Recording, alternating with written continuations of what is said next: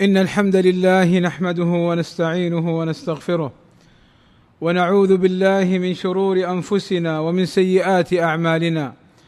من يهده الله فلا مضل له ومن يضلل فلا هادي له. وأشهد أن لا إله إلا الله وحده لا شريك له.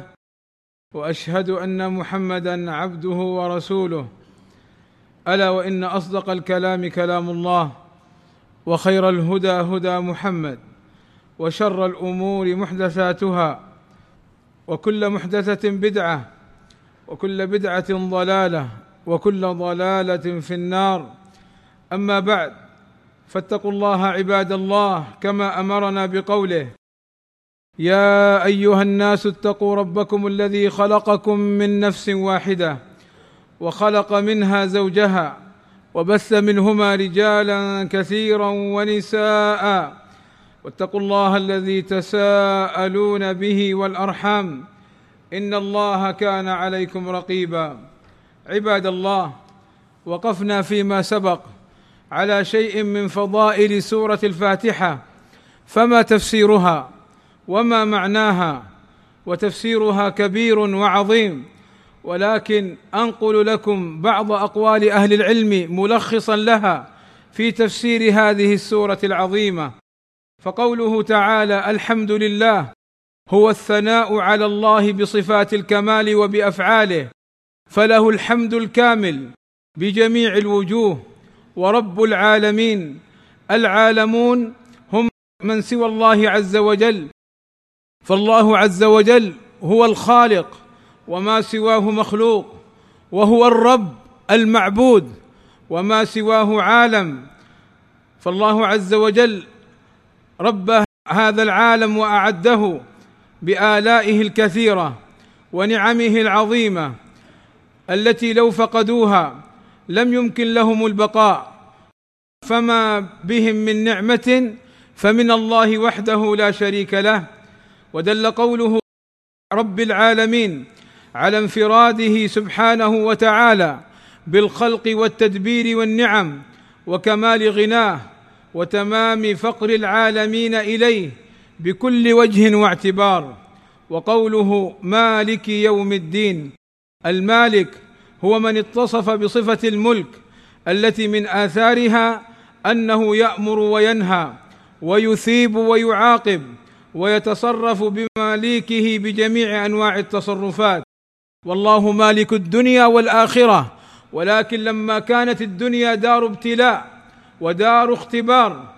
قد يتصرف العبد بشيء لا يرضاه الله عز وجل من باب الابتلاء والاختبار إلا أنه يوم القيامة يكون فيه الملك التام لله عز وجل. فالله أعطى للعباد في الدنيا شيئا من الملك بعد إرادته سبحانه وتعالى. ولذلك خصه بقوله مالك يوم الدين يوم الجزاء. ويوم العدل الذي يحاسب فيه المرء على أعماله وأقواله في الدنيا. وقوله سبحانه وتعالى إياك نعبد وإياك نستعين.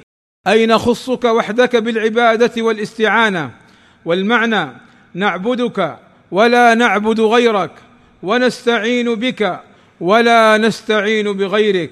والعبادة اسم جامع لكل ما يحبه الله ويرضاه. من الأعمال والأقوال الظاهرة والباطنة. والاستعانة هي الاعتماد على الله تعالى في جلب المنافع ودفع المضار مع الثقة بالله عز وجل في تحصيل ذلك. والقيام بعبادة الله والاستعانة به هو الوسيلة للسعادة الأبدية. والنجاة من جميع الشرور. فلا سبيل إلى النجاة إلا بالقيام بهما. أي العبادة والاستعانة وإنما تكون العبادة عبادة إذا كانت مأخوذة عن رسول الله صلى الله عليه وسلم مقصودا خالصا بها وجه الله عز وجل. فبهذين الأمرين أي اتباع النبي صلى الله عليه وسلم والإخلاص لله فبهذين الأمرين تكون عبادة. والعبد إن لم يعنه الله لم يحصل له ما يريده من فعل الأوامر واجتناب النواهي فلا يعتمد العبد على نفسه ولا يتكبر ولا يغتر بل يعتمد على الله عز وجل. وإن كان صاحب طاعات ونفقات وصدقات وفعل للخيرات فلا يغتر بأعماله ولا ينظر إلى نفسه بالكمال بل ينظر إلى ضعفه وقصوره ونعمة الله عز وجل عليه بإعانته على أمره. ثم قال سبحانه اهدنا الصراط المستقيم.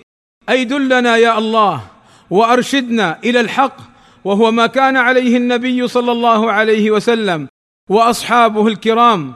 وأيضا اهدنا الصراط المستقيم. تعني يا الله وفقنا لقبول الحق لأن العبد قد يرى الحق ويسمعه ويبصره ولكن لا يوفق للهداية إليه ولا يعمل به.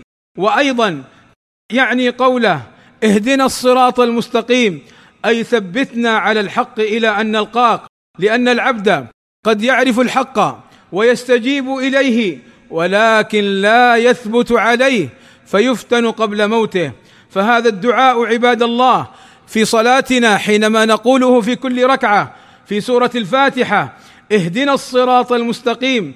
هذا الدعاء من أجمع الأدعية وأنفعها للعبد فنحن مأمورون بالدعاء به في كل ركعة. وعلينا أن نستحضر هذه الهدايات الثلاث هداية الدلالة والإرشاد هداية القبول والتوفيق هداية الثبات على الحق. أسأل الله أن يوفقني وإياكم إلى هذه الهدايات وأن يثبتنا عليها.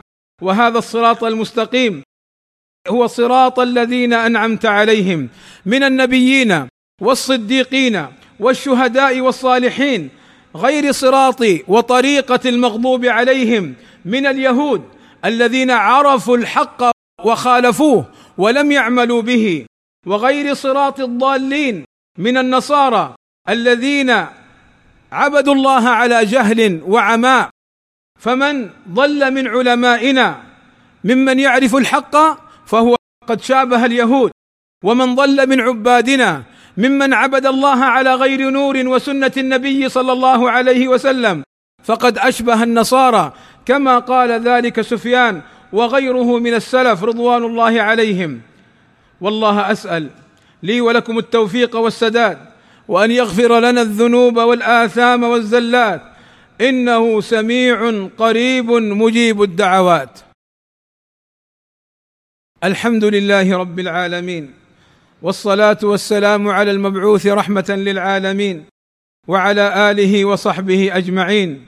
عباد الله هذه الصورة على إيجازها قد احتوت على ما لم تحتوي عليه سورة من سور القرآن فتضمنت أنواع التوحيد الثلاثة توحيد الربوبية الحمد لله رب العالمين وتوحيد الألوهية وهو إفراد الله بالعبادة فإياك نعبد وإياك نستعين وتوحيد الأسماء والصفات الرحمن الرحيم.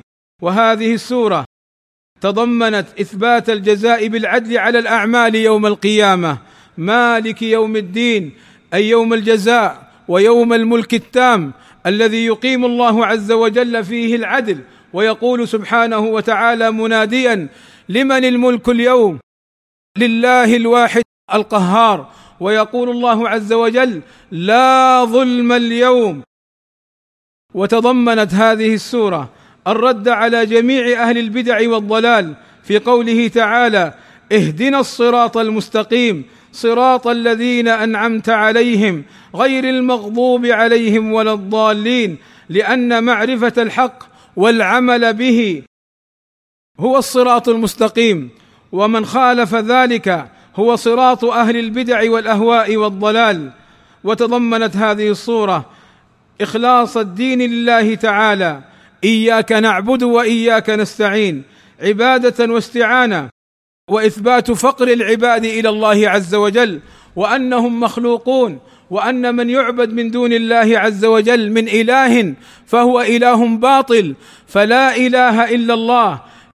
لا إله معبود بحق إلا الله وحده لا شريك له فسبحانه من رب عظيم. الحمد لله الذي وفقنا لهذا الدين. اللهم ارضى عن الخلفاء الراشدين أبي بكر وعمر وعثمان وعلي وعن جميع أصحاب النبي صلى الله عليه وسلم وعنا معهم بمنك وكرمك يا أكرم الأكرمين. اللهم وفقنا للعلم النافع والعمل الصالح. واتباع سنة نبينا محمد صلى الله عليه وسلم. اللهم اغفر للمسلمين والمسلمات والمؤمنين والمؤمنات الأحياء منهم والأموات. اللهم إنا نسألك الهدى والتقى والعفاف والغنى. اللهم وفق ولي أمرنا لما تحبه وترضاه. واحفظه اللهم من كل سوء. واحفظ اللهم به العباد والبلاد.